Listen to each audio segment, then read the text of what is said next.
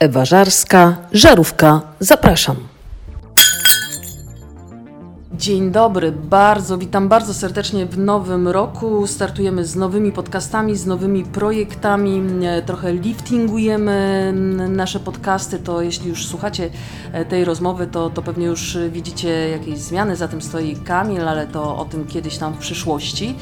E, Zaczynamy nowy rok e, z bardzo fajnym tematem, z bardzo fajnym gościem. Pomyślałam sobie, że po podcaście o depresji, który bardzo dobrze się odsłuchał i słuchaliście go bardzo chętnie, pomyślałam sobie, że skoro jesteście zainteresowani, jak tu zadbać o, o duszę i głowę, to bardzo chętnie też e, posłuchacie, jak zadbać o formę, ciało, jedzenie, dietę i takie wszystkie fajne, mądre rzeczy.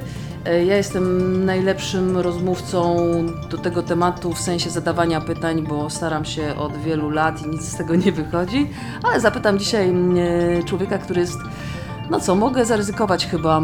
Jednym z najlepszych trenerów personalnych, powiem w Łodzi, bo nie wiem jak w Polsce, więc nie będę tu płynęła i wymyślała.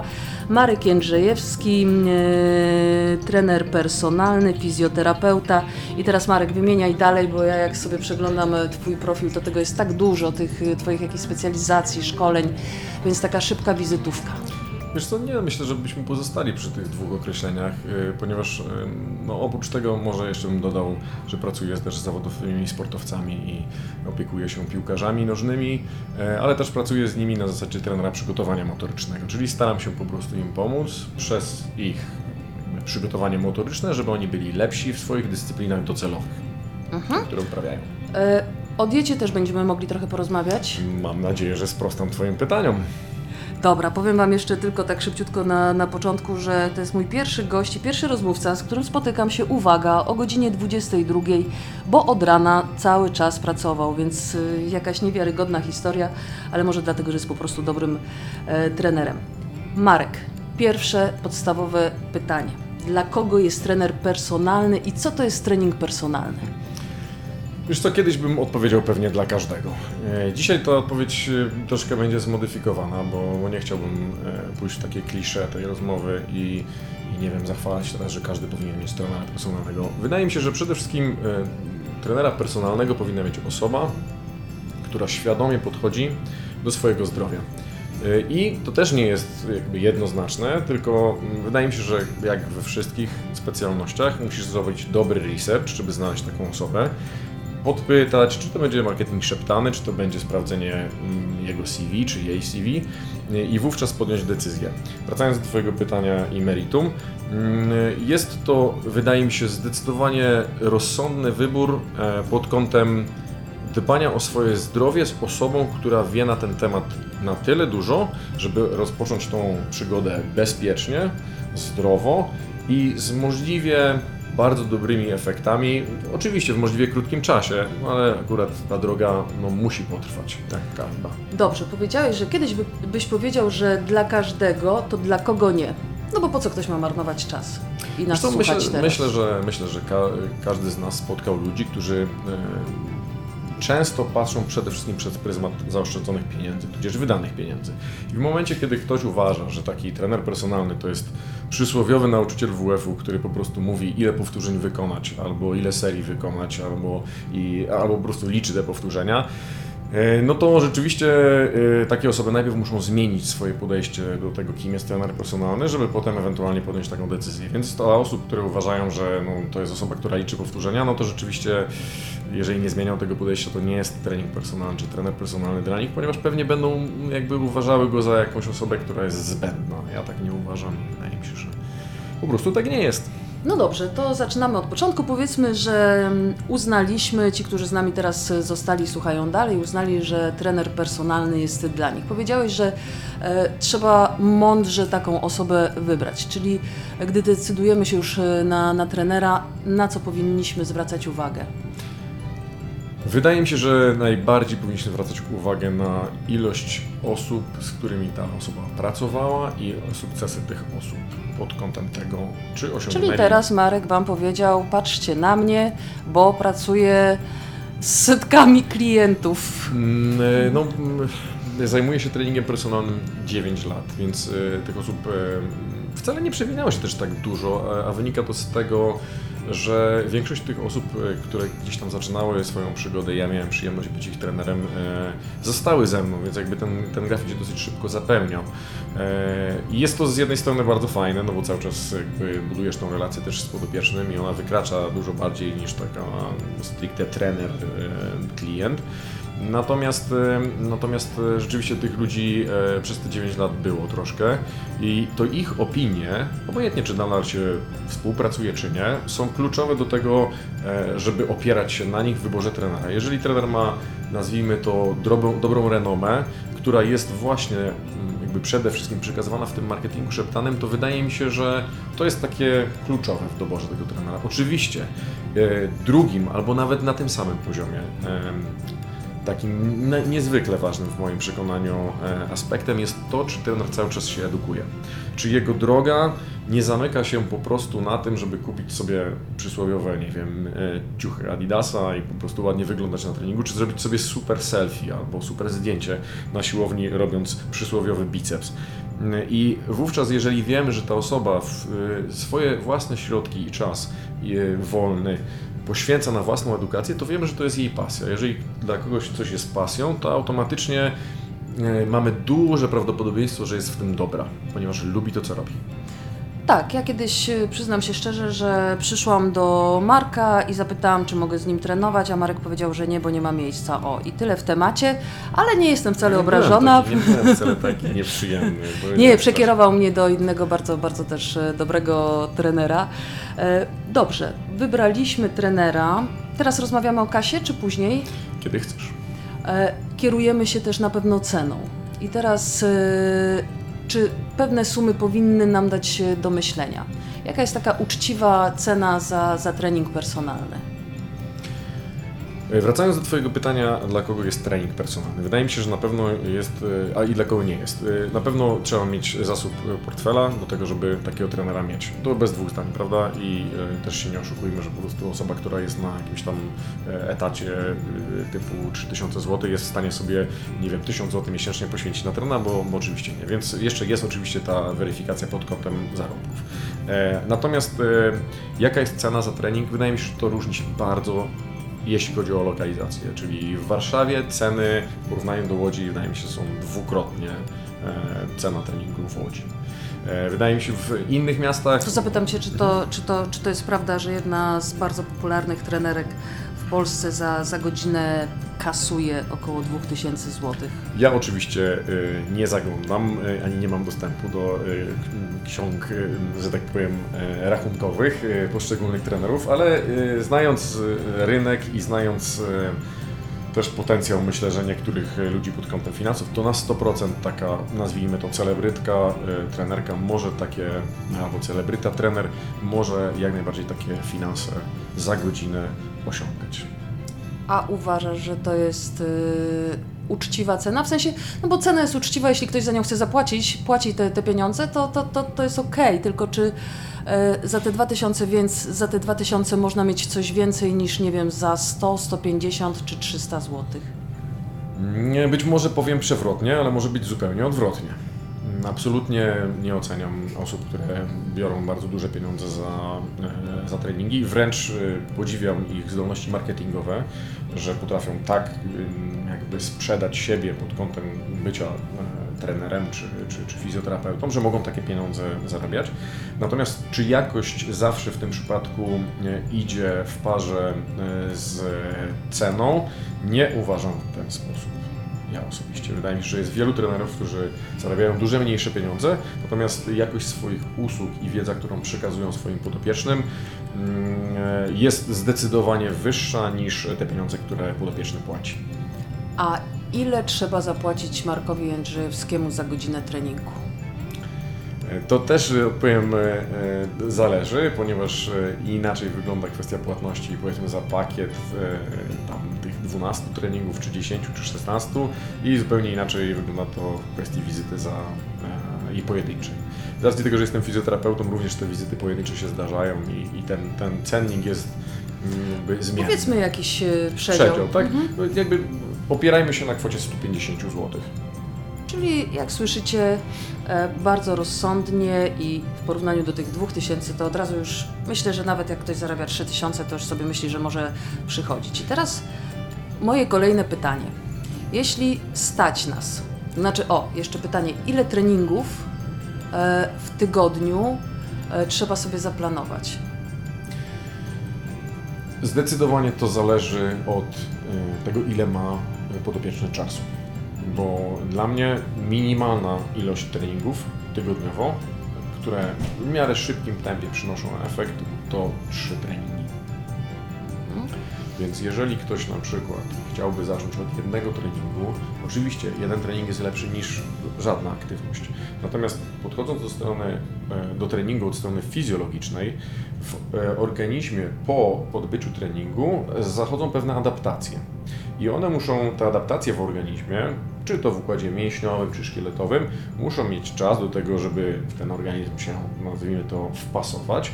I potem mamy możliwość, mamy, pojawia się kolejne okienko, kiedy możemy sobie nadbudować tą adaptację, czyli budować tą naszą przysłowiową formę sportową. W momencie, kiedy nie będziemy trafiali w to okienko jakby tego, tego możliwości wejścia na kolejny kroczek do góry, czy ten kolejny stopień do góry, to niestety pozostajemy cały czas na tym samym poziomie.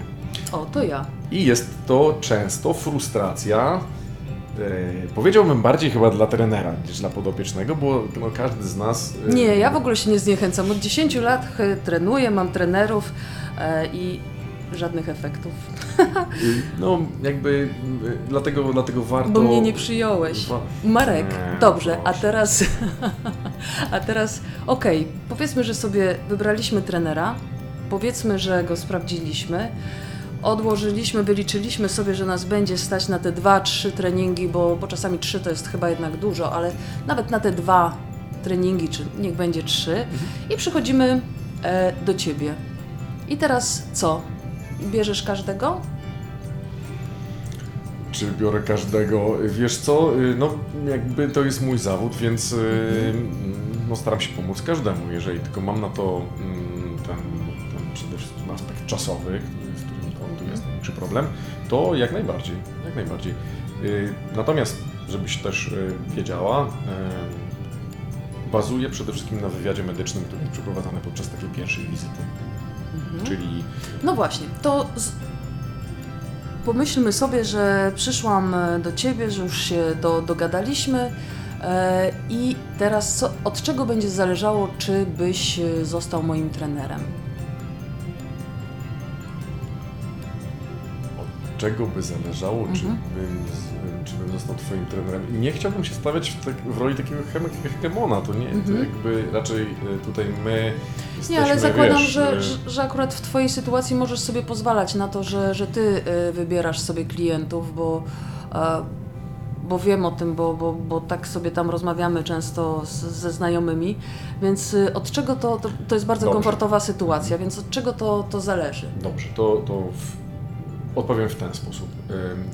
Od razu na pierwszym spotkaniu jestem, wydaje mi się, w stanie dosyć trafnie ocenić zaangażowanie y, osoby, która przychodzi w ten proces cały. Jej, jej świadomość, jej chęci, jej cele, jej historię, jej schorzenia, jeżeli takowe posiada, E, ale e, najważniejsza jest e, ta wola czy chęć zmiany aktualnej sytuacji. Bo mm, dużo osób, e, powiem Ci szczerze, że myśli, że trener e, personalny pomoże im zdobyć tą motywację, że on będzie takim motywatorem. No, oczywiście on powinien być motywatorem, ale on powinien tylko pielęgnować motywację wewnętrzną osoby, która przychodzi do trenera. Jest to o tyle e, przede wszystkim e, korzystne, ponieważ osoba, która ma wewnętrzną motywację, jest długo, dłużej w stanie e, trwać w tym procesie, szczególnie do pojawienia się pierwszych efektów. W momencie, kiedy jest zmotywowana, daje z siebie bardzo dużo, automatycznie efekty też przy takiej pracy e, przychodzą szybciej, ona szybciej osiąga wyznaczone cele i ta współpraca jest przyjemna dla jednej i dla drugiej strony. No to Jeżeli- powiedz mi, jak, y, przepraszam, że Ci przerywam, ale motywacja y, to jest coś, co na przykład mnie bardzo interesuje. Y, Co zrobić, żeby być zmotywowanym przez jakiś dłuższy czas? Bo ja na przykład co roku, co roku sobie obiecuję, że w tym roku biegam, ćwiczę, łapię formę i do tego jeszcze świetnie wyglądam i faktycznie mam takie zrywy. Ale to są zrywy i później nie mam takiej motywacji, później tak trochę patrzę w lustro i znowuż mam chwilową, ale kompletnie się nic nie dzieje i bardzo dużo osób e, ma taki właśnie problem. Jak się zmotywować do tego? Wiesz co, może to co powiem jest yy, nie, to nie tym, czego byś się spodziewała, ale wiele osób musi naprawdę tak upaść nisko pod kątem swojej kondycji zdrowotnej, żeby jakiś, jakieś wydarzenie w ich życiu spowodowało, że potem ta motywacja już jest naprawdę mocna. Mam kilku takich yy, podopiecznych, którzy byli naprawdę w bardzo ciężkich y, takich stanach zdrowotnych i te stany zdrowotne y, przede wszystkim brały się z tego, że one się same, te osoby, doprowadziły do tego. To nie jest tak, że ktoś jest po prostu obłożnie chory i nagle y, w tej chorobie znalazł motywację. Absolutnie nie. Po prostu czy to była otyłość, czy to była brak aktywności, te dwie rzeczy y, bardzo często prowadziły do bardzo poważnych e, zagrożeń, nawet bym powiedział, mm, życia e, tych ludzi. I oni słysząc wreszcie od jakiegoś lekarzy, e, u którego byli, że albo po prostu coś zrobią w swoim życiu, albo e, no najprawdopodobniej to życie skończy się dużo szybciej niż e, ich biologiczny wiek by na to wskazywał. E, Więc e, takie i takie osoby były najbardziej zmotywowane, czyli gdzie, gdzieś, jeżeli pojawiło się jakieś zagrożenie zdrowia i to, to rzeczywiście potem ta zmiana była długotrwała i, i w wielu przypadkach do tej pory ci ludzie zmieniły swoje życie o 180 stopni i, i cały czas e, idą w tę stronę. Absolutnie nie A życzę kiedy Ci... nam się powinna zapalić ta czerwona lampka? U każdego myślę, że zapali się w innym momencie. E, Ktoś zobaczy pierwsze dwa zwałki na brzuchu i mówi, Boże, jak ja wyglądam, to nie muszę coś z tym zrobić. A druga, Nie osoba, a druga osoba będzie miała nadciśnienie tętnicze e, przekraczające e, wszelkie normy, będzie miała purpurowy wyraz twarzy i będą ręce jej się trzęsły z nadmiaru kortyzolu i dopiero wtedy zobaczy, że nie jest w stanie zjeść zupy z potencjalnym klientem e, na biznesowej kolacji i zobaczy, że no coś jest nie tak, bo nie wspominałem Ci jeszcze o tym, ale jakby oprócz tych zmian, które większość z nas e, widzi, czyli utrata masy ciała, to, to ja widzę dużo więcej u swoich podopiecznych, to oni mnie tego nauczyli, ja zasadzie byłem takim obserwatorem tych zmian. Niebywałe rzeczy dzieją się, dzieją się jeżeli, chodzi o, jeżeli chodzi o sen, jeżeli chodzi o potliwość, jeśli chodzi o mm, problemy gastryczne, które ni- nikt wcześniej nie łączył ze stanem jakby takiej powiedzmy aktywności i zdrowia fizycznego. Te wszystkie problemy znikają, te trzęsące ręce, o których Ci mówiłem, e, pro, problemy natury psychicznej są wycofywane przez e, aktywność fizyczna, e, przez aktywność fizyczną. Natomiast spektrum rzeczy, które e, aktywność fizyczna zmienia. E, I niestety, ale współczesna medycyna jest raczej medycyną farmakologii.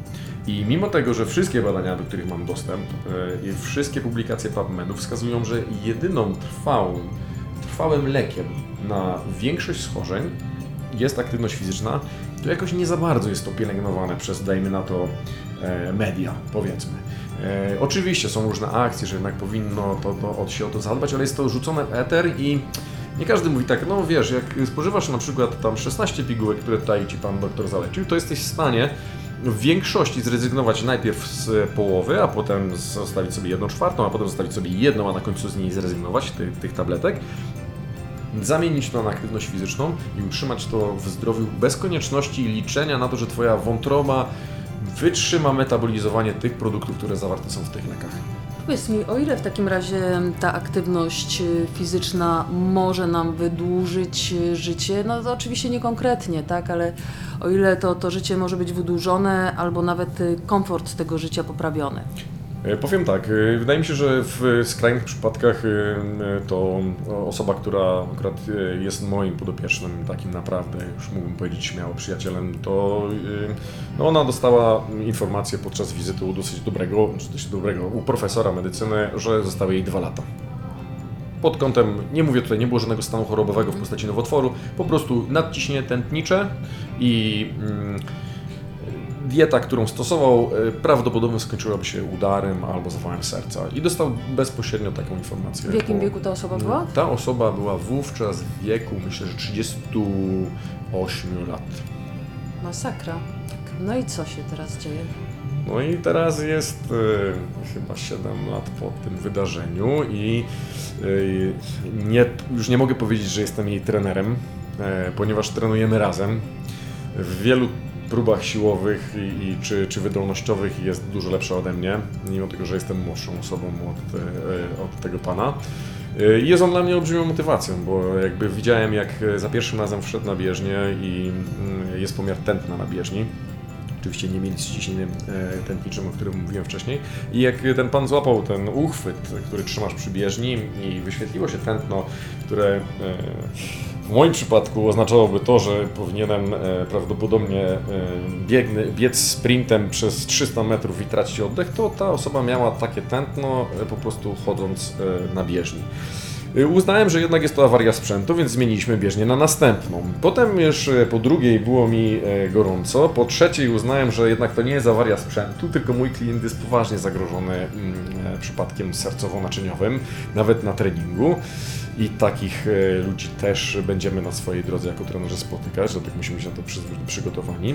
I zobaczyłem, jak ta osoba na moich oczach zamienia się w całkowicie zdrowego człowieka z naprawdę stanu ciężkiego. e, O, o tych trzęsących rękach wspominałem, ale też, e, też tam, było, tam była bezsenność, e, naprawdę spanie po 2-3 godziny. To się potem przejawiało w kumulacji stresu. Wykonuje ta osoba też zawód dosyć obciążający, jeśli chodzi o, o stres prawniczy. I I tak, ta przemiana, która trwała w zasadzie taka największa przez dwa lata, no, dała mi ol, olbrzymią satysfakcję. Po prostu uznałem, że jest jakby ta moja praca jest też y, jest y, w pewnym sensie ratowaniem drugiego człowieka. Jak jeszcze widzisz, że ta osoba y, chce zdobywać kolejne cele i ją dopingujesz w tym, no to ja sobie nie wyobrażam lepszej. Podobnie jest byciem fizjoterapeutą, to jest wyprowadzanie człowieka z stanu chorobowego do zdrowia. Tutaj niewiele bym też widział różnic. To jest też swego rodzaju fizjoterapia, tylko polegająca po prostu na leczeniu troszeczkę innych schorzeń. Będziemy o fizjoterapii rozmawiać, yy, ale tu chciałam jeszcze zapytać, rozumiem, że w przypadku każdego klienta układasz, yy, każdej osoby, która do Ciebie przychodzi, no bo to później, tak jak mówisz, stają się niekiedy też Twoi przyjaciele, dobrzy znajomi. Rozumiem, że każdemu układasz pod jego stan zdrowia, pod jego możliwości plan treningowy. To nie jest tak, że ktoś przychodzi do Ciebie i każdy sztampowo najpierw biega, nie wiem, na bieżni, później coś tam robi y, po, po kolei, tylko każdy indywidualnie rozumiem, że jest jakby prowadzony. E, Tak, oczywiście. Jakby taka indywidualizacja treningu wydaje mi się, że jest jedyną słuszną e, drogą. E, Po prostu każdy z nas jest inny i no, niestety, ale większość z nas też e, nie jest zdrowa, tylko nie jest, jest niezdiagnozowana i osoby po prostu nie zdają sobie sprawy, że na przykład ten ból, nie wiem, powiedzmy w plecach, e, to była przyczyna, która tkwiła zupełnie gdzie indziej w ciele i że można to naprawić e, i można naprawić czy fizjoterapią, czy treningiem. I, i no, gdybyśmy sztampowo podchodzili do każdego z nas, no to, no to każdy z nas musiałby ważyć tyle samo, e, być jednej płci, e, mieć ten sam wzrost i, i taki sam Ale co, prowadzisz buta jakieś i- dzienniki, jakiś dziennik każdy, dla każdego... każdy z moich podopiecznych Mhm. ma swój własny, nazwijmy to zeszyt czy notatki e, i na podstawie e, jakby tych treningów, które są w, tam, w, tym, e, w tym notatniku czy w tym zeszycie rozpisane. e, Część tych jest e, też, część też jest, jest w formie aplikacji i jakby to jest nasza baza do obserwacji. Dodatkowo jest arkusz badania, który przeprowadzam na tych pierwszych czy drugich zajęciach, który daje mi bardzo dużo takiego screeningu, takiego testowania pod kątem przede wszystkim fizjoterapeutycznym, ale dla mnie jest to bardzo proste przełożenie do treningu, bo jeżeli znajdę coś w tym pierwszym testowaniu pod kątem zdrowotnym, powiedzmy układu, nie wiem, mięśniowo-szkieletowego, to też muszę odpowiednio traktować tą osobę pod kątem treningowym. Muszę wiedzieć, gdzie ona ma swoje słabe punkty, gdzie, nad czym musimy popracować y, dłużej, nad czym, e, do czego możemy, e, e, do czego możemy przyjść szybciej. Także to wszystko y, staram się jak najdokładniej em, na, na stan obecny mojej wiedzy sprawdzić, żeby potem coraz bardziej ta indywidualizacja e, przechodziła. Oczywiście mając na uwadze cel, z którym przychodzi do mnie klient, bo jakby no, podopieczny ma też swoje pragnienia. Jeżeli ja powiem, dobrze, mm, y, masz Najpopularniejszy cel. Najpopularniejszym celem jest utrata tkanki tłuszczowej, mimo wszystko. e, ale zauważyłem, że to się zmienia. E, Właśnie przez takie osoby, które mają historie, które są ciekawe do opowiedzenia, że na przykład właśnie były te trzęsące ręce, czy ta nadpotliwość, czy, e, czy jakieś problemy ze snem, czy w ogóle wyniki badań krwi, które no, teoretycznie osoba czuła się dobrze, sprawdziła wyniki badań krwi rozszerzone, akurat ja staram się polecać rozszerzone wyniki badań krwi i wtedy jeżeli coś tam wychodzi, no to, to rzeczywiście ta osoba ma dużo większą świadomość. Mówi, Boże, może przez ten trening jednak możemy zmienić jeszcze parę innych rzeczy w moim życiu. Potem się okazuje, że właśnie, że ta otyłość, czy, czy ta oponka na brzuchu to jest jakby pozytywny efekt uboczny tej pracy. Mhm. E, Marek, powiedzmy, że osoby, które nas słuchają, jakby są już przekonane i zdecydowane, bo ja już mam teraz jeszcze większą motywację e, pod, ko- po- pod kątem zdrowia, o którym mówiłeś, bo jakby nigdy wcześniej, wcześniej się na tym nie skupiałam. Oczywiście miałam świadomość, ale jakby to nie, nigdy nie było dominujące. Bardziej mnie interesowały moje boczki, które mi wypływają. E, Załóżmy, że, że nasi słuchacze się zdecydowali, czyli tak, aktywność trzy razy w tygodniu trening, treningi. Zdecydowanie zacząłbym od tego. Ja pamiętam w ubiegłym roku e, wymyśliłam sobie właśnie takie postanowienie, że będę biegać bardzo intensywnie i codziennie biegałam przez dwa miesiące. I później przez kolejne pół roku nie robiłam nic, bo już miałam dosyć wszystkiego. Mm, No, charakteryzujesz się takim, nie chcę nazwać tym słomianym zapałem, ale takim, taką aktywnością, która, znaczy aktywnością, taką, taką cechą, jesteś taką pochodnią, która płonie bardzo, bardzo, bardzo dużym ogniem, a potem nagle siarka się kończy. Ale jakby e, nie- absolutnie nie oceniam tego. W wielu aspektach swojego życia mam bardzo podobnie i, e, i po prostu tacy jesteśmy. Jesteśmy ludźmi, którzy się zapalają do czegoś, a potem jeżeli to nie daje im tej satysfakcji albo po prostu ich nuży, no to, to ten płomień... To przekonaj się- mnie, żeby to robić w miarę regularnie, w jakich odstępach, tak żeby to nie zgasło za trzy miesiące, tylko żebyśmy na przykład za pół roku sobie pogadali i żebym ja Ci opowiedziała, co wyniosłam z tego podcastu. Wyznaczaj sobie e, bardziej krótkoterminowe cele.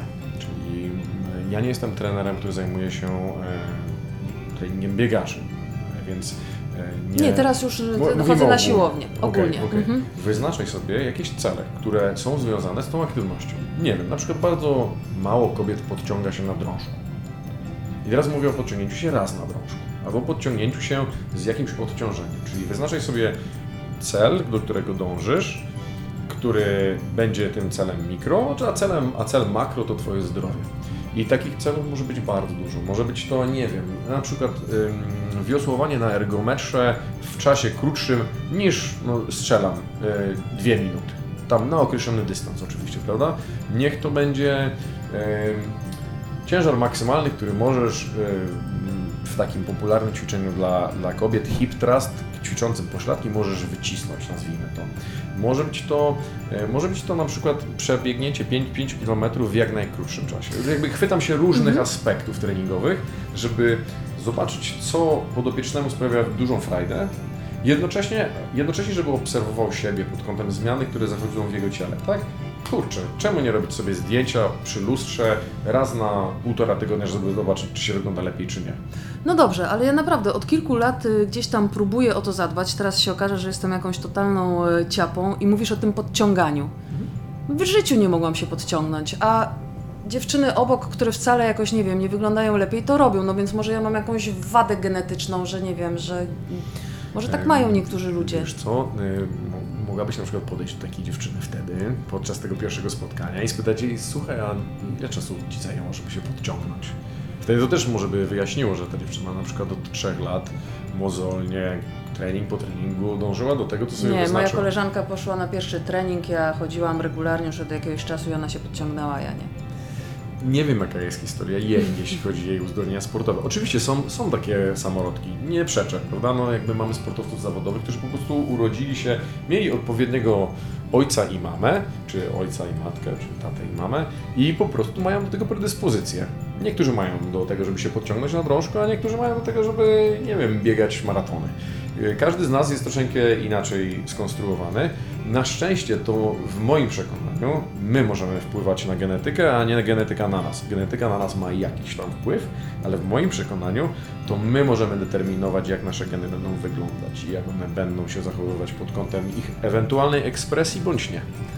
No dobrze, to w takim razie e, chcę osiągać jakieś tam sukcesy, na przykład podciągnąć się na drążku. Teraz sobie wiem, będę to tłumaczyła, że to wina mojej mamy i taty. Wiesz, może być to pompka zwykła, prawda? Dla kobiety wykonanie pompki też jest takim męskim. Umiem, No widzisz? umiem. Może masz tam akurat swój Y, genot. To teraz powiedz mi tak, jeżeli idę na przykład na trening w poniedziałek, e, to jak długo ten trening trwa, kiedy idę na następny trening i co robię pomiędzy tymi treningami, żeby to miało ręce i nogi.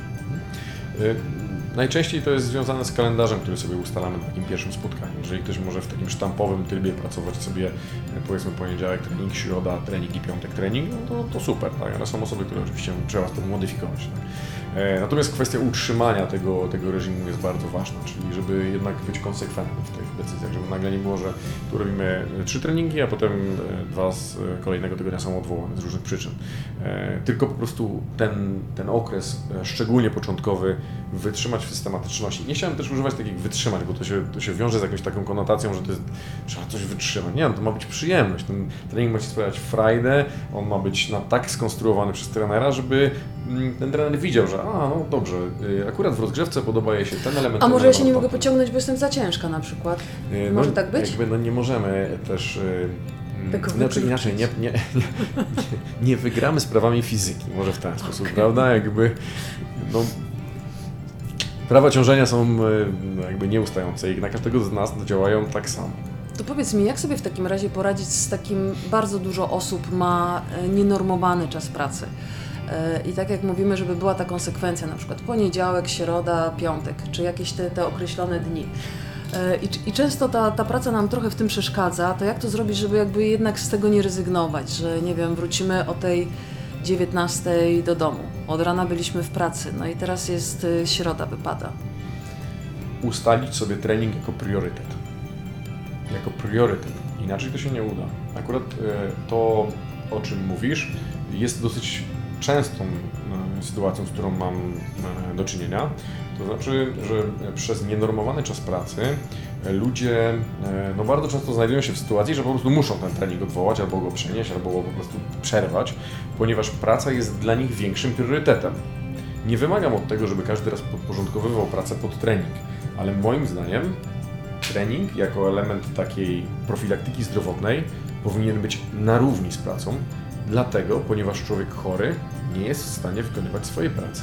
Czyli co, nawet jak o 19 skończę pracę, to nic się nie stanie, a wręcz stanie się bardzo dobrze, jeśli na 20 przyjadę na trening. Tak. Nawet nie będę wchodził w szczegóły rozwijania tego tematu, chyba że nie wiem, Ale mi czujesz, już się o tej 19 wydaje, że już jestem zmęczona i, i padnięta. przyjdź na trening. Wtedy zobaczysz, co się stanie. No dobrze. Dobrze. Jeżeli poczujesz się gorzej po tym treningu, to daj mi znać i jeszcze raz się spotkamy. Ja powiem, przepraszam, źle ci doradziłem.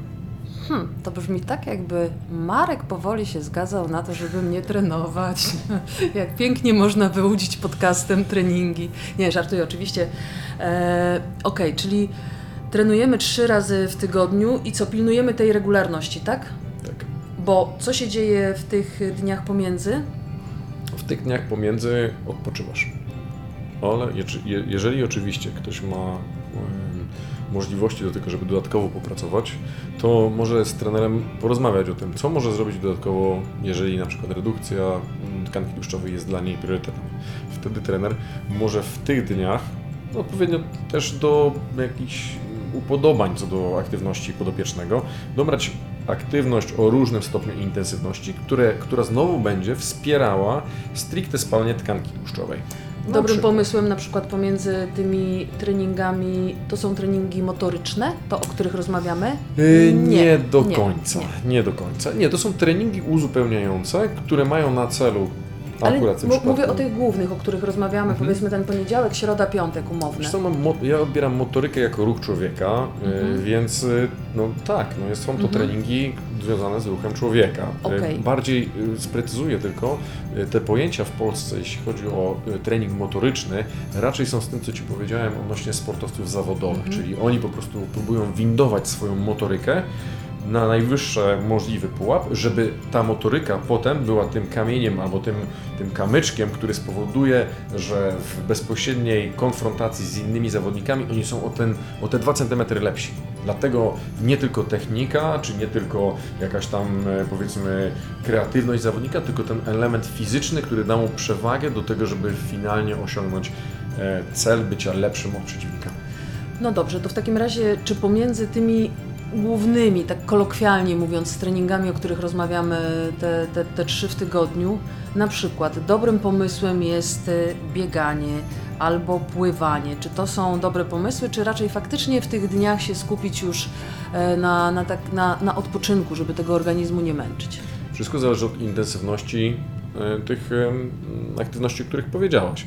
Ja uważam, że cz- człowiek powinien ruszać się codziennie, tylko musi też wiedzieć, y, że jakby znać swój organizm na tyle, że wie, że jeżeli miał na przykład ciężkie dwa tygodnie, zarówno w pracy, jak jeszcze dołożył do tego treningi, to wie o tym, że może sobie zrobić na przykład tydzień lżejszy wtedy dać swojemu organizmowi odpocząć. Nawet jakby, jakby w zawodowym sporcie konstrukcja programowania treningowego właśnie w ten sposób wygląda, czyli najpierw ta intensywność się zwiększa, potem musi być zmniejszona, żeby i Twój układ nerwowy, i układ mięśniowo-szkieletowy mógł odpocząć, zregenerować się z tą nadwyżką, o której Ci wspominałem na początku naszego podcastu. Nie możemy cały czas się zajeżdżać. Niestety wiele z nas, osób, które korzystają czy z usług trenera personalnego, czy trenują e, na własną rękę, doprowadza się do momentu skrajnego wyczerpania, bo po prostu dają po prostu e, pedał gazu na maksa i potem kończy się tym, że no, benzyna nam się szybko kończy i silnik się zaciera. I to jest problem, czyli żebyśmy wiedzieli, kiedy mamy ten potencjał do tego, żeby swoje ciało rozwijać, ale też musimy wiedzieć, kiedy troszeczkę zejść z obciążenia, żeby potem zbudować jeszcze lepiej, jeszcze i przede wszystkim zdrowie. Jakie to są sygnały, że jesteśmy, to jest tak zwane przetrenowanie? Czy, tak, Jest, jest syndrom przetrenowania. W treningu mm, takim amatorskim raczej rzadko spotykany. Raczej widzę bardziej zmęczenie układu nerwowego. Czyli widzę osobę, która przychodzi i widzę po niej, że coś, coś jej ciąży, co nie jest związane z e, treningiem, ale co powoduje, że jej e, wyniki, powiedzmy, nazwijmy to na treningu czy sportowe są mniejsze. Więc y, na szczęście taki trening amatorski w niewydaniu, który po prostu naprawdę jest skrajnie dojeżdżającym pod kątem e, ciała, potrafi właśnie z pomóc Ci wyjść nawet z takiej sytuacji, y, która obciąża Twój układ nerwowy, czy jakichś tam, nie wiem, konfliktów, które masz, czy z pracy stresującej, bo to jest automatyczny lek na, y, na na przykład kwestie stresowe. Więc y, nawet jak ta osoba przychodzi w bardzo złym stanie mentalnym, to bardzo często po treningu wychodzi w bardzo dobrym stanie mentalnym. I jakby fizjologicznie jesteśmy w sto, czy biochemicznie jesteśmy w stanie to wyjaśnić bardzo szybko. No ale ta osoba widzi przez swoje własne doświadczenia, kurczę, ten trening jednak spowodował, że teraz czuję się zupełnie inaczej. A byłem, czy byłam przekonana, że jak przyjdę ten trening, to w ogóle ten trener mnie dojedzie i wyjdę stąd na czworaka, jeszcze, jeszcze gorzej niż było. A bardzo często jest odwrotnie. I to też miło widzieć, jak ta osoba przychodzi z jakimś tam swoim problemem, e, dzieli się, czy, nie, czy się tym problemem nie dzieli, to już jest inna kwestia, natomiast wychodzi mm, w pewien sposób oczyszczona i z uśmiechem na twarzy i nagle ten, ten problem też się mniejszy. Jest zadowolona też z siebie, bo wykonała tą pracę i wie, że to jest pewien, pewien e, kroczek do celu, który sobie postawiła na początku. Z takim szarakiem na przykład, y, nie wiem, takim przeciętnym szarakiem, no znowuż powiem powiedzmy jak ja, bo, bo mnie widzisz i, i trochę mnie znasz, to jak taki trening godzinny wygląda? Co, co, co podczas tego treningu się robi? E, No, ja staram się rozwijać swojego podopiecznego w wielu aspektach. E, Najpierw, tak jak Ci wspominałem, wykonuję ten wywiad, potem przechodzimy do tych testów. Z tych testów dostaję wiele informacji, które potem wykorzystam w treningu. I, e, pierwszym moim etapem jest spowodowanie, że nazwijmy te ukryte problemy albo nieukryte problemy zdrowotne niweluję do poziomu powiedzmy no, zdrowego, który ja uznam za odpowiedni i ta osoba nie ma powiedzmy na przykład objawów bólowych dalej albo, jakichkolwiek innych problemów zdrowotnych. W momencie, kiedy jednocześnie, jednocześnie w trakcie, w trakcie takich sesji treningowych pracuję nad różnymi cechami motorycznymi człowieka, czy, czy cechami tak, no mogę, mogę nazwać motorycznymi. Czyli pracuję, staram się rozwijać jej poziom wydolności, sercowo-naczyniowej. Staram się rozwijać jej poziom mobilności, jeśli chodzi o stawy e, i mięśnie. Staram się jednocześnie rozwijać jej poziom stabilności. Staram się jednocześnie rozwijać jej poziom siły, jej wytrzymałości siłowej. Jest tam szereg elementów, to jest po prostu tak lista rzeczy, które po prostu e, składa się na ogólną sprawność fizyczną. Myślę, że użyłem tego słowa motoryka, to jest ogólna Jakie sprawność to są na przykład ćwiczenia w tych grupach, o, o których mówiłeś? E, Praca nad y, układem e, sercowo-naczyniowym, e, czy, czy, czy tlenowo-beztlenowym, czy, czy związanym po prostu z wydolnością może osiągać w różny sposób. Możesz, mogą to być e, treningi na bieżni, mogą być to treningi na e, ergometrze wioślarskim, mogą być to treningi na e, tak zwanym airbike'u, mogą być to treningi na no, przeróżnych tych, tych sprzętów. Do takiego treningu jest na ski ergu e, no, wiele. Co do kwestii, więc tam programując w odpowiedni sposób, no, po prostu powodujemy, że ta osoba podnosi swoje ogólne cechy wydolnościowe. E, To jest jedna rzecz, nie wchodząc za bardzo w szczegóły. Druga rzecz, na przykład, jeżeli chodzi o poziomy siły. Tak, jest kilka testów siłowych, które można wykonać. Oczywiście najpierw ucząc z prawidłowej techniki, czy będzie to e, przysiad ze sztangą na plecach, czy będzie to przysiad ze sztangą z przodu, czy będzie to... Marek cały czas uderza w stół, a prosiłam, żeby tego nie robił. Ojej, przepraszam, bo ja się emocjonuję po prostu, jak to Mhm. mówię. Yy, Więc w momencie, kiedy e, wybieramy odpowiednią cechę, no to każda, do, do każdej z tych cech możemy dobrać sobie odpowiednie ćwiczenia, które mają, e, mają na celu tą cechę rozwinąć. Mówiłem Ci o tych treningach siły, czyli mogą być to właśnie przysiady w różnych formach, mogą być to martwe ciągi, mogą być, być to e, ćwiczenia z podnoszenia ciężarów, mogą być to e, ćwiczenia e, stricte, tak jak wspominaliśmy, to podciąganie, czy, czy ta pompka, czy wycisk, wycisk sztangi leżąc. Wiele elementów. Teraz jesteśmy przy tej, powiedzmy, treningu siły. Mogą być to treningi mobilności, czyli sprawdzam na podstawie, tutaj wykorzystuję tą swoją wiedzę z zakresu fizjoterapii, patrzę, jak, jak ten człowiek w ogóle, jak on biega, jak, jak chodzi, jak stoi, jak siedzi. Te informacje, plus te informacje z testów, dają mi możliwość pracy nad jego ciałem, e, czy to będzie terapia manualna, czy to będzie masaż tkanek głębokich, czy to będzie różne inne metody fizjoterapeutyczne, które mogą powodować, że ta osoba potem będzie miała lepsze możliwości do tego, żeby swoje ciało zaangażować w trening. I czy to będzie trening siłowy, czy, ty, czy będzie to trening wytrzymałościowy, wydolnościowy, to już jest zupełnie inna kwestia. Mamy też elementy stabilności. Dużo osób ma coś takiego jak na przykład wrodzona niestabilność którą się po prostu urodzi i nie wiem, czy kojarzysz takie osoby, które jak wyprostują łokcie, to te łokcie są nadmiernie wyprostowane, wyglądają tak, jakby miały się zaraz złamać. Kobiety bardzo często tak mają, prawda? Takie osoby y, powinny skupić się na tym, żeby wzmocnić swoje ciało pod kątem stabilności i siły, ponieważ taka nad, taka hipermobilność stawowa bardzo często związana jest z różnymi kontuzjami. Y, Osoba To są na przykład te, te piłki takie, na, na których się tą stabilizację nie, ćwiczy? nie do końca, Aha, nie do końca, to- nie do końca, po prostu staramy się nauczyć osobę przede wszystkim, żeby nie używała stawu jako elementu blokującego ruch, tylko żeby używała swoich mięśni, żeby ten ruch zablokował. Albo te osoby, nie wiem czy widziałaś kiedyś taką osobę, która stoi i stoi jakby na przeprostowanych kolanach. Że te kolana jej Tak. tak w zasadzie zapadają się do środka. Taka osoba powinna mieć świadomość, że tak, taki wzorzec zachowania sobie zastosowała, a my musimy ją nauczyć, żeby ona nie opierała się na tych swoich hipermobilnych stawach, tylko użyła do tego mięśni. To jest dosyć skomplikowany proces. Natomiast on w e, długie, długofalowo może nam wykluczyć bardzo, bardzo wiele kontuzji. Wielu z moich pacjentów niestety bez takiego treningu profilaktycznego doznawało wielu poważnych kontuzji, e, wynikających z tego, że ta ruchomość stawowa była trochę nadmierna. Są do tego plusy i są minusy. Osoba hipermobilna rzadko w ogóle musi poświęcać czas na jakiekolwiek, powiedzmy, rozciąganie. Ona po prostu jest naturalnie gibka.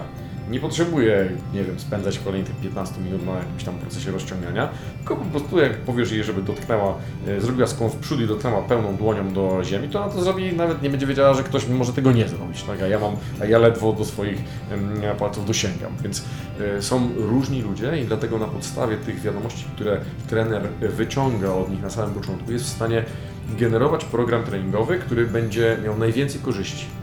Wiele osób pewnie sobie myśli, że kurczę, to nie jest takie trudne, to sobie przyjdę i sobie sam poćwiczę na tych różnych maszynach, które są e, w siłowniach i powiedz mi, gdy przyglądasz się, zakładam, że część osób dobrze ćwiczy, bo na przykład miała zajęcia z trenerami, bo, bo to tak często też bywa. Ale gdy przyglądasz się tutaj osobom, które przychodzą, jakie widzisz najczęstsze błędy? Tych błędów jest y, dosyć sporo y, i one dotyczą mm, przeróżnych wykonywania ćwiczeń, techniki wykonywania ćwiczeń i jakby w tym widzę chyba największy, najwięcej problemu, czyli po prostu ludzie wykonują ćwiczenia, ponieważ zobaczyli dwie ryciny na maszynie i, i prostu sobie robią ruch od A do Z, a, a, ruch to nie jest ruch od A do Z, to po prostu, czy od A do B, to jest po prostu bardzo skomplikowany proces, do którego jest zaangażowany układ nerwowy. Jeżeli nie masz tej świadomości swojego ciała, nad którą, y, która jest jednym też z moich znowu celów, jeśli chodzi o rozwój y, swojego podopiecznego, żeby on złapał świadomość swojego ciała, ciała, poczuł swoje ciało od nowa, nauczył się obsługiwać swoje ciało od nowa, żeby wiedział, że jak ściągnie łopatkę, to że ta łopatka wygląda w ten sposób, konkretny, a nie, że ja powiem ściągnij łopatki i ktoś y, te barki na przykład pociąga do góry i w zasadzie one są przy uszach. To nie, to, to jedna komenda daje zupełnie inny efekt. Więc ta świadomość ciała jest dla mnie podstawą. Jeżeli i ona będzie, i ona niestety jest też tą pierwszą rzeczą, która chyba ginie wśród tych podopiecznych. Jeżeli oni potem przychodzą i wykonują jakieś proste ćwiczenia, pro- proste ćwiczenia na maszynach, oczywiście będą mieli jakiś jakąś z tego korzyść, ale nie można uprościć e, niezwykłej, niezwykłej naprawdę budowy i skomplikowania i takiego piękna organizmu ludzkiego do tego, żeby e, wsadzić go na maszynie i powiedzieć, żeby wykonywał ruch e, nie wiem, wypchnięcia i przyciągnięcia z powrotem. Myślę, My że wiele nie- osób. Mhm. Nie jesteśmy do tego stworzeni. Jesteśmy stworzeni do ruchów globalnych, do ruchów, które przypominają naszą normalną lokomocję. E, Do, może inaczej, przytoczę Ci przykład dziecka. Bardzo często w różnych książkach związanych z treningiem e, czy, czy z fizjoterapią mm, podawany jest przykład dziecka, które w dowolnej chwili może pięknie zrobić przysiad. I ono sobie siedzi w tym przysiadzie i jest super zadowolone. Ale a potem gdzieś ta, e, gdzieś ta umiejętność ginie. I, I nagle się okazuje, że przez siedzenie przez 8 godzin, przez 10 lat, przez e, nie wiem, jakąś pracę, która jakby angażuje twój, Twoje ciało w konkretny sposób, te podstawowe zdolności motoryczne wynikające z rozwoju naszego od dziecka e, giną i musimy je z powrotem odbudować. Niestety cywilizacja, w której żyjemy, no nie przysparza nam dużo możliwości do ruchu. Przysparza nam przede wszystkim możliwości do tego, żebyśmy siedzieli, żebyśmy wpatrywali się w ekran albo monitora, albo telewizora. Jak wracamy od tego telewizora, tego monitora, to siadamy przed telewizorem i okazuje się, że człowiek, który jeszcze powiedzmy te 5000 lat temu cały czas był w ruchu, w obecnej chwili jest w stanie przykuć swoją uwagę do jednego punktu przez 8 godzin i patrzeć na niego cały czas, a gdybym powiedział Ci, żebyś dowolnie wybrała w moim gabinecie jeden punkt i patrzyła, w, nie ruszając się w ogóle, w ten punkt przez 3 godziny, to gwarantuję Ci, że po 15 minutach na 100% byś zmieniła e, swoje pozycje ciała i na pewno obiekt, na który patrzysz. Te rzeczy, którymi się otaczamy, komputery, czy, czy, czy laptopy, czy, czy, czy cokolwiek innego, co, czy telewizory, przykuwają nam naszą uwagę, angażują nas, nasz mózg tak mocno, że ciało jest zostawione samopas. A one nigdy nie powinno być zostawione samopas. Także uważałbym też na przykład z zostawianiem dzieci przed telewizorem, czy dawaniem im laptopa, tudzież e, telefonu, bo e, myślę, że w przeciągu najbliższych trzech lat powstaną nowe jednostki chorobowe, których my, fizjoterapeuci i lekarze, będziemy musieli leczyć na przykład, nie wiem, palec e, osoby korzystającej z iPhone'a. Tam będzie palec iPhoneisty, to środek jest łokieć tenisisty, to może to będzie się tak nazywało, nie wiem. Ale myślę, że niestety nasza cywilizacja idzie w złą stronę pod kątem, e, pod kątem braku aktywności fizycznej, czego przykładem jest niestety olbrzymia ilość osób, które z problemami różnego rodzaju, jeśli chodzi o układ ruchu, pojawiają się u lekarzy i fizjoterapeutów. Tak jak sobie dzisiaj e, Ciebie słucham, to całkiem teraz e, na serio dociera do mnie, że faktycznie ten trener jest e, potrzebny. To takie mi przychodzi takie do głowy porównanie, że jak mam problem e, kardiologiczny, to nie, nie uczę się sama medycyny i nie kombinuję na swoim sercu, tylko idę do kardiologa, więc chyba faktycznie jak e, chcemy coś robić ze swoim ciałem, to chyba fajnie pójść do człowieka, który się na tym zna. Przechodzimy do bardzo ważnego elementu tak jak Ci mówiłam, ćwiczę mniej lub więcej, ale ćwiczę. I nie chudnę, bo to jest mój cel. No i co się dzieje? Dlaczego? Mm, Wiesz co, ja od, y, pod kątem dietetycznym e, przestałem się udzielać troszkę, e, czyli odsyłam swoich podopiecznych do dietetyków. Do dietetyka czy do dietetyków. Wydaje mi się, że też nie można być specjalistą od wszystkiego. Kiedyś, kiedyś miałem taką ambicję, żeby też opiekować się swoimi podopiecznymi od strony dietetycznej, ale uznałem, że myślę, że są dużo lepsi specjaliści ode mnie i, i warto, żeby oni też się wykazali. Sposób pracy, który mm, ja uważam za słuszny, jeśli chodzi o pracę z dietetykiem, polega na tym, żeby zacząć od badań krwi, od rozszerzonych badań krwi, żebyśmy znowu zrobili sobie jakiś taki background, tak jak ja wykonuję te swoje testy, o których Ci wspominałem na początku, tak żeby ta mm, morfologia rozszerzona dużo bardziej niż morfologia podstawowa była pewnym papierkiem lakmusowym, co się dzieje aktualnie z naszym ciałem. Jeżeli, czy, czy, czy, czy co się dzieje z naszym organizmem. Jeżeli widzimy, że tam konkretnie na przykład są jakieś braki, albo jest tendencja do jakiegoś braku, to warto się nad tym zastanowić. Zobaczymy też wiele rzeczy, jeśli chodzi o aspekt tarczycy. Tarczyca jest bezpośrednio związana z tym, jak wygląda nasz metabolizm tkanki tłuszczowej, więc mm, patrząc od tej strony możemy nagle dowiedzieć się, że mamy jakiś problem. Czy to będzie nadczynność, czy niedoczynność. Jest choroba Hashimoto, która obecnie naprawdę wiele, wiele osób, e, w szczególności kobiet, e, niestety ją ma. I dzięki takiej diagnostyce, nie dość, że wiemy, co w trawie piszczy, to jeszcze jesteśmy w stanie jakoś tą dietę swoją nakierować. E, mówiąc słowo dieta, ogólnie jestem dużym przeciwnikiem tego, ponieważ diet jest, mm, jest multum i, i nie przepadam za e, tym określeniem, dlatego że zakłada e, pewien krótki etap jej stosowania. Jeżeli jest to sytuacja chorobowa, czyli z tego naszego powiedzmy mm, z tych naszych badań krwi wyszło, że coś nam zagraża, to oczywiście musimy przez pewien okres czasu, czy przez dłuższy, czy przez krótszy, to zależy już od dietetyka, stosować konkretne zalecenia. Jeżeli natomiast wyprowadzamy się z tego stanu chorobowego, to wydaje mi się, że po prostu nazywałbym to zmianą stylu żywienia albo sposobu żywienia. Żeby to była nie dieta, która gdzieś tam w głowie i w naszej podświadomości mówi, dobrze, jestem na diecie, ale to jeszcze chwilkę, a potem będzie ten moment radości i nacieszenia się e, jakimiś tam słodkościami na przykład. Ale żeby to była zmiana sposobu żywienia, która finalnie będzie naszym sposobem na całe życie. Czyli całe życie będziemy w ten sposób się odżywiać, ale, ale ewentualnie... to co, faktycznie na przykład tych pięć posiłków drobnych dziennie, czy niekoniecznie? Niekoniecznie. Jestem zwolennikiem pięciu e, posiłków dziennie aktualnie, mimo tego, że przez wiele lat sam mówiłem, że pięć posiłków dziennie to jest taka wspaniała, e, wspaniała sprawa i tak powinni się ludzie odżywiać. Nie, nie jestem, e, nie jestem teraz zwolennikiem tej teorii. A jesteś zwolennikiem jakiej teorii? Jestem zwolennikiem teorii obserwacji siebie i obserwacji aktywności, którą wykonujemy. Czyli jeżeli ktoś wie, że potrzebuje być, wie kiedy ma na przykład jednostkę treningową. W moim przekonaniu ten posiłek po jednostce treningowej jest bardzo ważnym posiłkiem. Ważnym posiłkiem jest również posiłek na śniadanie. Ale czy ono będzie nieco później niż zwyczajnie, E, czyli nie od razu po przebudzeniu, to raczej bym poszedł w tą stronę. Wolałbym, żeby mój organizm się rozkręcił lekko, dopiero potem dostał posiłek. Niż pierwsza rzecz, do której siadamy, to dobra, okej, okay, ledwo się obudziłem, moja, moja wątroba jeszcze nie funkcjonuje na odpowiednim poziomie, mój żołądek nie funkcjonuje na odpowiednim poziomie, ale muszę zjeść śniadanie. No i wtedy no, jakby ta teoria, że śniadanie na pierwszym miejscu i od razu po przebudzeniu nie do końca za mną przemawia. A ta teoria e, ze szklanką wody po przebudzeniu? Yy, tak, tak. Moim zdaniem yy, jest to jak najbardziej słuszne. Dodałbym nawet może lekko ciepłą wodę, żeby właśnie troszeczkę podbudzić ten układ trawienny od strony temperatury, tego co tego, co wypijemy. Być może dodałbym delikatnie cytryny do tego, być może dodałbym trochę miodu, ale takiego miodu z pasieki, a nie takiego miodu, który swoją konsystencją e, przypomina lejący się syrop. E, i, I tak, to jak najbardziej, e, jak najbardziej tak, więc tego jestem zwolennikiem. Okej, okay, i się trochę rozkręciliśmy i przychodzi czas na śniadanie. Powiedzmy, że to jest ten poniedziałek, kiedy będziemy mieli trening i powiedzmy, że to jest... Nie? Nie, bardzo kontynuuj.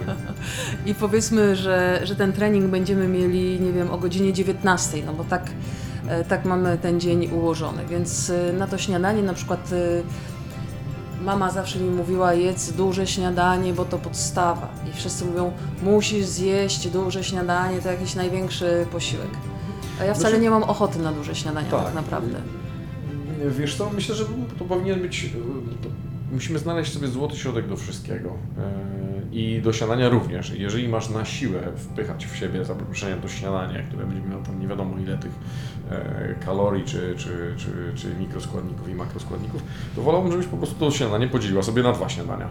I zjada sobie śniadanie, a po dwóch godzinach albo po trzech godzinach, jak poczujesz delikatny głód, zjadła drugie śniadanie I co na przykład mogę sobie zjeść na to pierwsze śniadanie? Co, jajecznica, czy twarożek, czy jogurt? Teorii dotyczących, e, dotyczących żywienia jest multum. One zmieniają się bardzo szybko i nie chciałbym dawać rad. Może inaczej, powiem tak. E, Opieram swoją dietę na e, możliwie nieprzetworzonych produktach i roślinnych i w, w małej części na zwierzęcych. Małej części. Ale e, bazując na produktach roślinnych staram się bardzo mocno mieć świadomość, że te produkty są jak najmniej dotknięte przez przemysł. Okej, śniadanie w takim razie pilnujemy, żeby ono było wysokokaloryczne, czy, czy raczej dzielimy w zależności jak, jak, jak nam wygodnie, tak? Jak nam pasuje. Bardziej chciałbym pójść w kierunku tego, żebyśmy stali się, znowu no, użyję ponownie tego słowa, swoim papierkiem lakmusowym. Chciałbym, żebyśmy się poobserwowali, po czym czujemy się dobrze, a po czym czujemy się źle. Ktoś mówi, a zjadłem dzisiaj jajecznicę rano i taki posiłek białkowo-tłuszczowy, to tak się czuję mm, średnio. Nie wiem, energetycznie, jakoś tak nie pasuje mi ten posiłek. To, żeby ta osoba, która spróbowała sobie diety, nazwijmy to białkowo-tłuszczowej, czyli zjada sobie tą jajecznicę, bez niczego, bez niczego, a na razie mówimy sopę, e, spróbowała sobie, żeby następnego dnia zobaczyć, jak wyglądałby ten posiłek, gdyby wrzuciła sobie, powiedzmy, płatki owsiane, dodała do tego, załóżmy, kilka migdałów, kilka orzechów laskowych, delikatną ilość miodu i sprawdziła, jak wygląda, jak wygląda jej funkcjonowanie bardziej na diecie, która w większości rano ma węglowodany. Niech zobaczy. Być może jeden tydzień zrobi sobie tak, drugi tydzień sobie zrobi mieszany, trzeci tydzień zrobi sobie na przykład białkowo-tłuszczowy, jeżeli chodzi o śniadanie. Więc można wtedy przez dosyć prosty mechanizm rotacji prowadzić sobie taką zmienność w tej diecie. Jednocześnie nie będąc cały czas niewolnikiem jednego posiłku. Bo bardzo często osoby, które nazwijmy przechodzą na taką dietę e, kulturystyczną, czyli ten kurczak i ten ryż i on jest na śniadanie, obiad, kolację i to wszędzie tam, oczywiście y, prawdziwi kulturyści tego tam nie do końca, nie do końca to tak wygląda, ale y, sztampowo troszeczkę podchodzę do tematu. Więc mm, żeby ten proces, którym nazwijmy bycia na diecie, nie był mm, takim jedno, jednostronnym i nastawionym tylko i wyłącznie na określone produkty procesem. I co, kolejny posiłek jem, e, gdy czuję głód, na przykład taki obiad, czy jem, bo już mi tutaj wyznacza zegar, że o, o, minęły 3 godziny i muszę zjeść. Są różne metody. Mm, Jeżeli pytasz mnie o moje zdanie w chwili obecnej, to jeżeli wyczuwam pierwszy głód, to wtedy myślę o jedzeniu. Ja. I ja czuję się z tym najlepiej. I obserwując, y, nazwijmy to jakieś tam e, swoją formę przez ostatnie lata, to tak samo y, najlepiej czuje się z tym moje ciało. Obiad. Ja na przykład y, bardzo lubię od czasu do czasu zjeść kotleta schabowego, naprawdę. E, Są takie obiady domowe na, na Bulczańskiej i ojej, i, i tam są przepyszne te kotlety, no ale e, kiedyś sprawdziłam sobie w aplikacji ile ma kalorii. Więc co na przykład jeść, co? Zupy rozwiązują problem. Ja nie lubię na przykład warzyw. I dużo ludzi nie lubi warzyw. No, to mamy duży problem, bo moim zdaniem warzywa są podstawą piramidy. Także takiej osobie jak Ty radziłbym, żeby po prostu tak przygotowała sobie warzywa, żeby je polubiła i wydaje mi się, że potem to by się to polubiła. Nie ma warzyw mięsnych, rozumiem. Okej. e, Wiesz co, są, robią takie wspaniałe kotlety na przykład, boczniaków. A, tak, Mm. tak, jadłam, bardzo fajne. Widzisz? Bardzo fajne.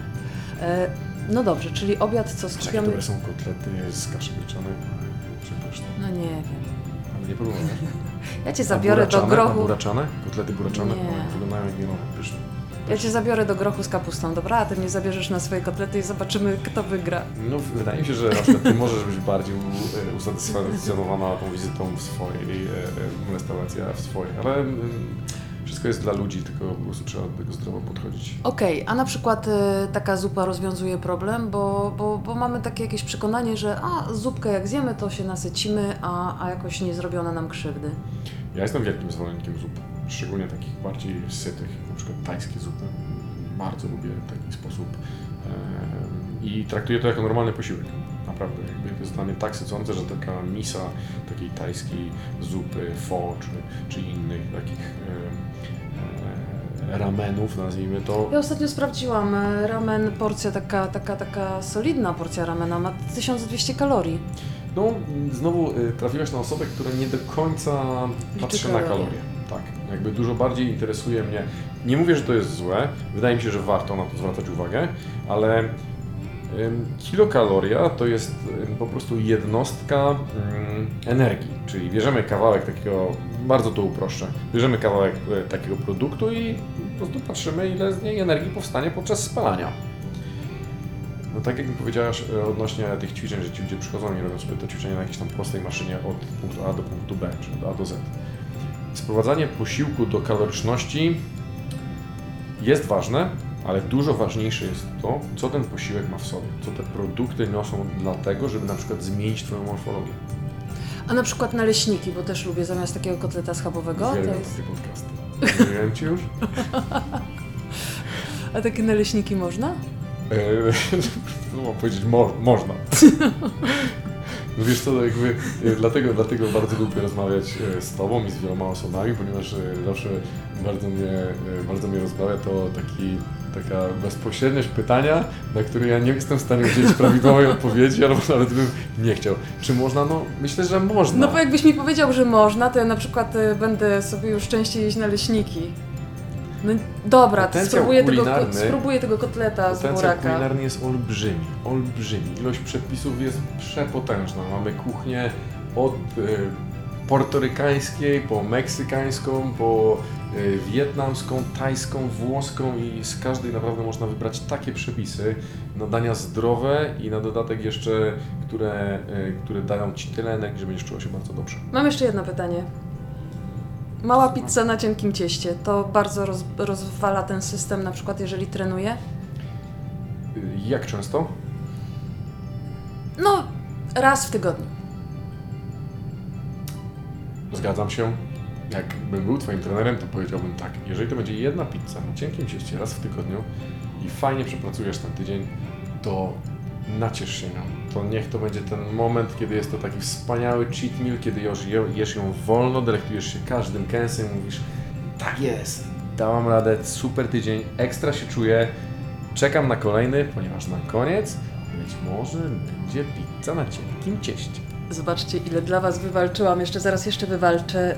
Yy, dochodzimy do kolacji. W ogóle jakieś yy, straszne takie przekonania, że po 18 nie jemy, albo nie wiem, od którejś godziny już yy, kompletnie nic, że, że właśnie ta 18 czy 19 jest takim tą granicą. A myślę, jak na że- 19 idę na przykład na trening. No właśnie, e, bardzo, bardzo e, fajnie to wyciągnąłeś z tej naszej dyskusji. No ja zdecydowanie w takim momencie przygotowałbym sobie jakiś posiłek. Bardzo lekko strawny na koniec. Nie wiem, ja uwielbiam jajka, więc e, po takim treningu zjadłem sobie pomidora, pokroiłbym do tego e, może... Mozzarella. E, mo, no, okej, może być mozzarella, nie, trochę cebuli, może, może dodałbym do tego rzodkiewki, jakieś jeszcze dodatkowe warzywo e, i dodałbym dwa jajka, sadzone- na, dwa jajka nagotowane na miękko. Na przykład. No dobra, a jak wywalczyłam... yy, Myślę, że nie poczułabyś jakiegoś tam, chyba że ktoś bardzo jest wrażliwy na przykład na surowe warzywa, ale no jakby zostawiamy ekstrema, jeżeli ktoś ma okej, dwa jajka sadzone. czy Czyli tam jak zjem o trzy warzywa, 21 jajka na coś miękko. lekkiego, to, to też mi się Nie. nic yy, Jeżeli nie jesteś po wydarzy. treningu, w moim przekonaniu w małej ilości poczujesz się lepiej, okej. A te dni, kiedy nie są treningowe, faktycznie pilnować, żeby ta 19 była taką... E, Raczej, raczej bym, zależy oczywiście, jeżeli ktoś e, ma taki tryb powiedzmy naturalny, czyli wstaje na 8 i kładzie się spać o 22, no, unikałbym y, posiłków, które obciążają po prostu układ trawienny, bo wtedy gorzej śpimy, no, bo jakby żadnej w, tej- żadnej w, tej, w, tej, w tym filozofii nie ma. Y, gorzej śpimy, gorzej się regenerujemy. W- Nasz organizm jest w trakcie trawienia mm, posiłku, któremu zaserwowaliśmy na koniec dnia, zamiast w procesie regeneracji komórek mm, e, które zachodzą, które zacho- a ten proces regeneracji zachodzi podczas... Marek, rozmawiamy, już zabrałam Ci godzinę, mogę jeszcze 15 minut? Oczywiście. Dobra. Wynegocjowałam e, pizzę. E, uwielbiam e, białe wino. Ja też. No i co z tym robimy? No, do pizzy musi być lampka na pewno. Ale tak raz tylko w tygodniu mogę, tą lampkę? Mm, negocjujesz? Tak. Mm, nie, możesz też na przykład w środę. Czad! Patrzę na Kamila, bo z nami siedzi Kamil i Kamil robi coraz większe oczy. Kamil, ty w ogóle jesteś taki treningowy? Kamil Mam do kiwa Ciebie jeszcze jedno głową, że nie. pytanie. No? To jest bardzo, bardzo ważne. Jak duża jest Twoja lampka wina? E, Mam przepiękne kieliszki ostatnio kupiłam. Nie pytam o ich wygląd zewnętrzny. No. Pojemnością. Wiesz co, nie wiem, no... Kamil kiwa głową, że duża. Taka chyba większa, tak, Aha, trochę. Wiesz co, bo ostatnio miałem podobne pytanie i okazało się, że pani, która zadała mi to pytanie, ma półlitrową lampkę wina.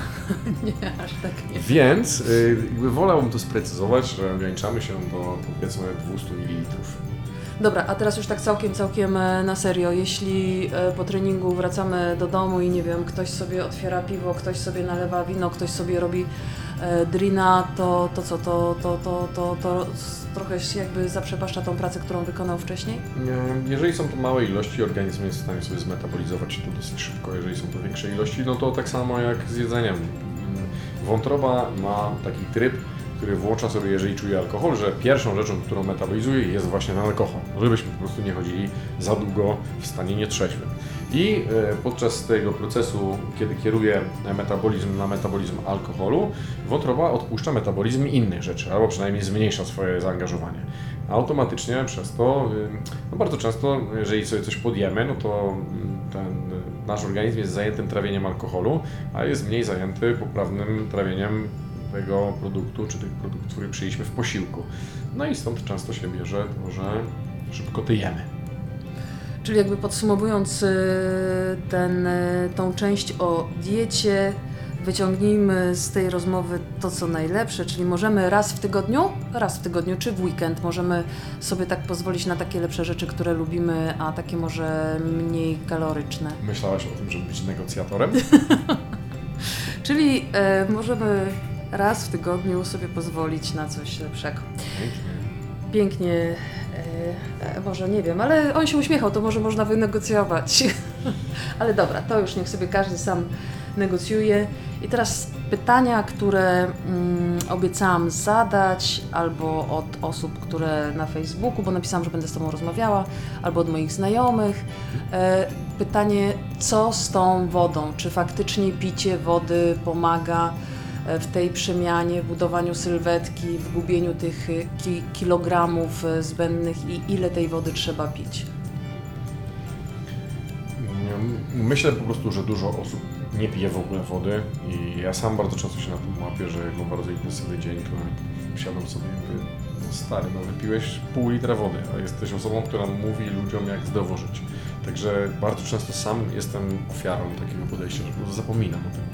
I akurat w przypadku wody y, starałbym się dopilnować. E, Czy spożywanie jak przy, w przypadku treningu, y, jeżeli ktoś trenuje, to w dzień treningowy myślę, że te 3-4 litry to jest taki must, must, must, must. A butelka wody, półtora litrowej na treningu dla mnie nie wyobrażam sobie, żeby jeżeli jesteśmy w takim razie przy, przy napojach, to Wrócę jeszcze do tej Mhm. wody, przepraszam. E, Unikałbym też jakiegoś tam, nie wiem, bardzo dużego picia na noc, no bo automatycznie wtedy no, nerki pracują i e, zamiast spać e, będziesz wędro- wędrowała do toalety. No ale rozumiem, że to jest jasne. Nie, nie przesadzamy z tym piciem na wieczór, natomiast staramy się nawadniać e, regularnie, nie w jakiś tam, że na przykład, nie wiem, wypijamy przez e, 10 sekund e, dwie szklanki wody, no bo to też e, raczej nas nie nawodni, po prostu woda przeleci przez nas i, i tyle. Czyli możemy zacząć wyrabiać nawyki, na przykład, nie wiem, od półtora litra wody to już będzie coś, tak? W przypadku osób, które... A kawa i się- herbata też jakoś w tym pomagają? Wiesz co, kawa i herbata w tym przeszkadzają, bo są diuretykami, czyli napędzają funkcjonowanie naszych nerek, a automatycznie przez to mm, no, szybciej jakby pozbywamy się wody, czyli szybciej lądujemy w toalecie. Czyli docelowo jakby staramy się, żeby dniu treningu nawet y, 3-4 litry wypijać, Tak. a w takim normalnym dniu 2, Ja bym cały czas szedł w trzy. 3. Dobra, Dobra. dobrze. To idziemy w 3 litry. Są różne wody też, też pamiętajmy o tym, że mamy różne rodzaje wód i ja też- Niegazowaną oczywiście. Tak, ale oprócz tego one mają różne. Jedna jest bardziej, na przykład ma więcej magnezu i sodu, jedna jest, e, jedna zupełnie ma bardzo mało tych, e, jest źródlaną wodą, ma mniej tych e, składników mineralnych, e, no wody mineralne mają ich więcej, e, rotowo bym też sobie bawiłbym się tymi wodami też raz wziął więcej, raz wziął wodę mineralną, raz wziął wodę źródlaną. E, Szukałbym też wód raczej w szkle, jeżeli mam taką możliwość od czasu do czasu. Więc e, No dobra, ale to, to jakby nie bójmy się powiedzieć, jeżeli nie wiem, masz wodę, którą na przykład uważasz, że ona jest e, fajna do picia i, i ona jakby fajnie na ten organizm, to jakby no nie, nie bójmy się tego powiedzieć, jeżeli są, to po, po co Jest- ktoś ma jest- odkrywać jest Amerykę? Wiele. Wiesz, ja, Mhm. ja bardzo lubię muszyniankę, natomiast e, znowu e, staram się, ona jest dla mnie troszeczkę za bardzo gazowana, więc też jest jakby etap, kiedy ją piję, na przykład potem przerzucam się na, na normalną wodę źródlaną. E, jakby pod kątem tych, e, jakby o, o wodach napisano naprawdę wiele i jeżeli ktoś będzie chciał znaleźć informacje, które mają jakie mm, właściwości mineralne, to na 100% znajdzie. E, jakby nie przez przypadek Krynica zdrój słynie z wód. Tam tych, mm, tych miejsc, w którym te wody są wydobywane, mm, jest tych zdrojów jest bardzo wiele. Każda z nich ma inne właściwości. Nie, nie przez przypadek to, są, e, to jest olbrzymie miejsce takiego wodolecznictwa, E, więc wykorzystajmy ten potencjał, który mamy, a akurat Krynica wypuszcza bardzo wiele różnych wód, czy to będzie Zuber, czy to będzie Jan, które być może w smaku nie są najprzyjemniejsze, ale naprawdę e, mają właściwości lecznicze, więc jeżeli mamy taki dostęp, czemu nie od czasu do czasu sobie Zuberka na wieczór, albo może nie na wieczór, ale w ciągu dnia strzelić. Okej. Nie mylić z żuberkiem. A już zrozumiałam żuberka, już myślałam, że tutaj wynegocjowaliśmy jeszcze coś dodatkowo. E, Marek, a jakie energetyki? Energetyki. Mhm. Energetyki, no, No, takie, no powiedz, powiedz to, no. powiedzieć Powiedz to? to, no. No takie energetyki, że jadę na trening, właśnie już jestem zmęczona i sobie e, coś przed tym treningiem e, piję, nie wiem, Red Bulla, Berna, bo lubię w smaku, ale wiem, że ma cukier, więc może nie. A Całkowity może zakaz. A Red Bull bez cukru? Zero. Jakby i nie zero cukru, tylko zero y, energetyków. Zero. Dlaczego? Ponieważ nie są zdrowe. Czyli skrócie bardziej opowiadam. kawę? Zdecydowanie tak. Jakbyś miała możliwość, szocik espresso, twój trener jest zadowolony. Okej. Ale dla mnie energetyką nie. A, powie, a powiedz e, tak e, krótko i szybko, e, dlaczego jesteś e, przeciwnikiem? Ja mam koleżankę, która e, wypija kilka Red Bulli dziennie, a znowu drugiej koleżanki mama, która też jest bardzo aktywna za, zawodowo. E, do tego stopnia e, te, te Red Bulle pochłania, że nawet e, już sobie cukierki o smaku Red Bulla kupuje. No jest to, co powiedziałaś, jest jedną z przyczyn, dlaczego nie, bo są silnie uzależniające. Jak patrzymy na to, w jakim tempie. Kiedyś, nie wiem, czy widziałaś taką puszkę takiego znanego napoju, nie chcę Mhm. teraz. Kiedyś y, większość puszek było 0,33. Ostatnio zobaczyłem, że są normalne takie puszki jak od piwa. I ktoś potrafi wypić pół litra na raz napoju energetycznego, który stężenie kofeiny ma dosyć duże. E, Składniki, które ma w sobie są zdecydowanie bardziej pochodzące z przemysłu i chemii niż z natury, więc ja nie jestem ich zwolennikiem. E, Jakbyśmy też doczytali, to historia zgonów z różnego jakby spowodowanych nadmiernym spożyciem e, tego typu energetyków też jest liczna. I nie mówię, że nigdy nie wypiłem wódki z Red Bullem, bo wypiłem. Natomiast e, są to rzeczy moim zdaniem niebezpieczne. Ja bym stronił od tego. Okej, a w trakcie treningu e, woda mineralna, woda mineralna, czy na przykład możemy sobie pić, nie wiem, no ja, ja z, zawsze kupuję e, Oshi bez cukru. No i czy to jest rozwiązanie? Mm, Troszkę być może mm, narażę się na krytykę, mm, ale ja nie jestem zwolennikiem słodzików. Więc wolałbym, żeby moi podopieczni również nie pili rzeczy związane z słodzikami. Oczywiście ktoś powie, Marek, są badania naukowe, acesulfam potasu jest absolutnie zdrowy, a aspartam jest jeszcze zdrowszy. Okej, szanuję, jeżeli ktoś tak uważa, niech spożywa, ja mam inny pogląd na ten temat i nie jestem zwolennikiem po prostu czegoś, co jest słodzonego nienaturalnie. Nie jestem też zwolennikiem takiego cukru w takiej czystej postaci. Więc polecałbym Ci na przykład lekko ciepłą wodę, do tego trochę miodu, do tego miętę, do tego dosypać powiedzmy, nie wiem, możesz, może trochę cynamonu, jak lubisz, jak nie, to, to może być jakiś, jakaś inna, jakiś inny specyfik, e, który zmieni smak. Może być limonka na przykład, e, jak ktoś nie lubi cytryny. Może być to, yy, no ja na przykład bardzo lubię rozmaryn. taki napój, jeżeli ktoś ma chwilę, żeby sobie przygotować, super. Wydaje mi się, że to nie jest jakiś tam Okej, a jeżeli to- miałbym podjąć decyzję, to wolałbym, żeby była woda na treningu, jeżeli ktoś nie ma czasu w ogóle na to, e, natomiast po treningu, żeby w przeciągu no, nie dłuższym niż 30-40 minut zjeść sobie posiłek. Tak, to, to, to mi się akurat podoba, to jest e, fajne. Rozumiem, że tym wszystkim e, takim substancjom, które stoją na, na siłowniach przy, przy recepcji, tym szybkim takim dopalaczom też mówimy nie. Tak. Mina- Znaczy, nie mówimy im nie. tak, tak. Mina Marka wyraźnie powiedziała, że mówimy nie. Kolejne pytanie, które padło. E, ćwiczę regularnie, ale nie mam mięśni. I faktycznie znam ten przypadek. Ćwiczy dziewczyna regularnie, intensywnie i uczciwie, nie tak jak ja, ale jakby nie ma tych mięśni. Zresztą jeśli chodzi o kobiety, no to jest tutaj pewna bariera. Tą barierą jest e, ilość testosteronu, którą kobiety posiadają. E, I no niestety e, i ta ilość na ogół jest mniejsza, ponieważ kobiety mają androsteron i progesteron i niestety, ale tes- testosteron jest odpowiedzialny w dużej mierze za syntezę białek i tworzenie się pęczków mięśniowych czy mięśni w skrócie. Prawda? Jeżeli tego, tego poziomu odpowiednio nie ma, no to trudniej jest kobiecie zbudować potężne ramiona niż mężczyźnie. Oczywiście od tej reguły są wyjątki i mamy e, osoby, które mają bardziej, to są kobiety, które są bardzo dobrze zbudowane i, i wcale nie spożywają żadnych środków androgeno-anabolicznych, sterydów e, i są też mężczyźni, którzy mają tych, tego pierwiastka, przepraszam, kobiecego więcej i e, ciężej im również zbudować i mają taką bardziej kobiecą budowę, prawda? No, no, tak, tak to wygląda. E, Natomiast y, mm, zastanowiłbym się, co ta osoba, jak ta osoba trenuje, jak wygląda jej plan treningowy, jakie ćwiczenia wykonuje, jak wygląda jej kwestia jej snu przede wszystkim, jej regeneracji, y, jej jedzenia, jak wygląda kwestia tych badań, które o których wspominałem? I na, na, tej, na tej bazie zbudowałbym jakiś scenariusz, na którym się oparł, żeby te jego mięśnia jednak troszeczkę więcej zbudować. W przypadku kobiety, jak Ci wspomniałem, jest to po części troszkę walka z wiatrakami, ale uwierz mi, że jakby, tak jak wspomniałem na początku, to my bardziej sterujemy genami niż geny nami. To jest moje zdanie.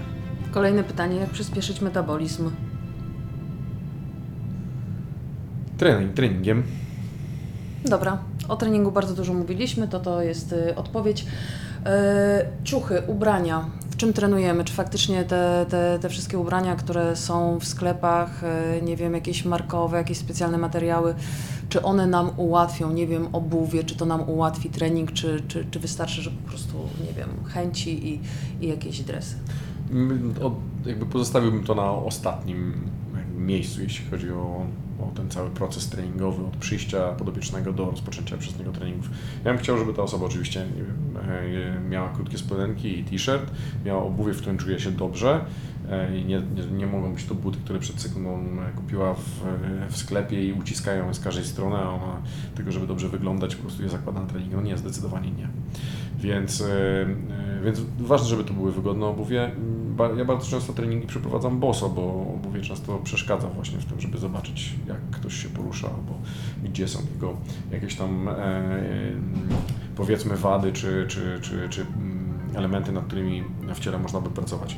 Więc, y, y, więc zostawiłbym to zdecydowanie na, na, na sam koniec. Ja bardzo lubię ćwiczyć w rzeczach bawełnianych, nie lubię bardzo tych, tych obcisłych koszulek typu jakieś tam oddychające. Po prostu ja się z tym źle czuję, czy to jest dobre, czy to ja po prostu, mój, mój organizm mówi po prostu koszulka bawełniana i, i na trening. Ale to jest tak jak mówię, ostatnia, ostatni element tego całego wydarzenia. Chciałam jeszcze dużą część porozmawiać z Tobą o fizjoterapii, ale teraz, bo nie będzie Ci wypadało odmówić, e, umówię się z Tobą, że jakoś niedługo się umówimy i porozmawiamy też o fizjoterapii, dobra? Dobrze, będzie mi bardzo miło. To ja Ci dzisiaj bardzo dziękuję. Najbardziej Ci dziękuję za to, że mogę zjeść raz w tygodniu pizzę, wypić dwa razy w, tygodniu kieliszek wina i będę fit i będę zdrowa. Dzięki Marecki bardzo. Dziękuję Ci bardzo. Y, Pamięć masz doskonałą, jeśli chodzi o pizzę i dwie lampki wina, więc myślę, że akurat te zalecenia będą bardzo, do, bardzo, bardzo skrupulatnie przestrzegane.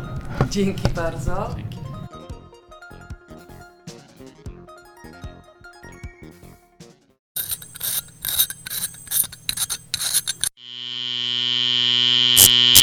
Ewa Żarska, Żarówka, zapraszam.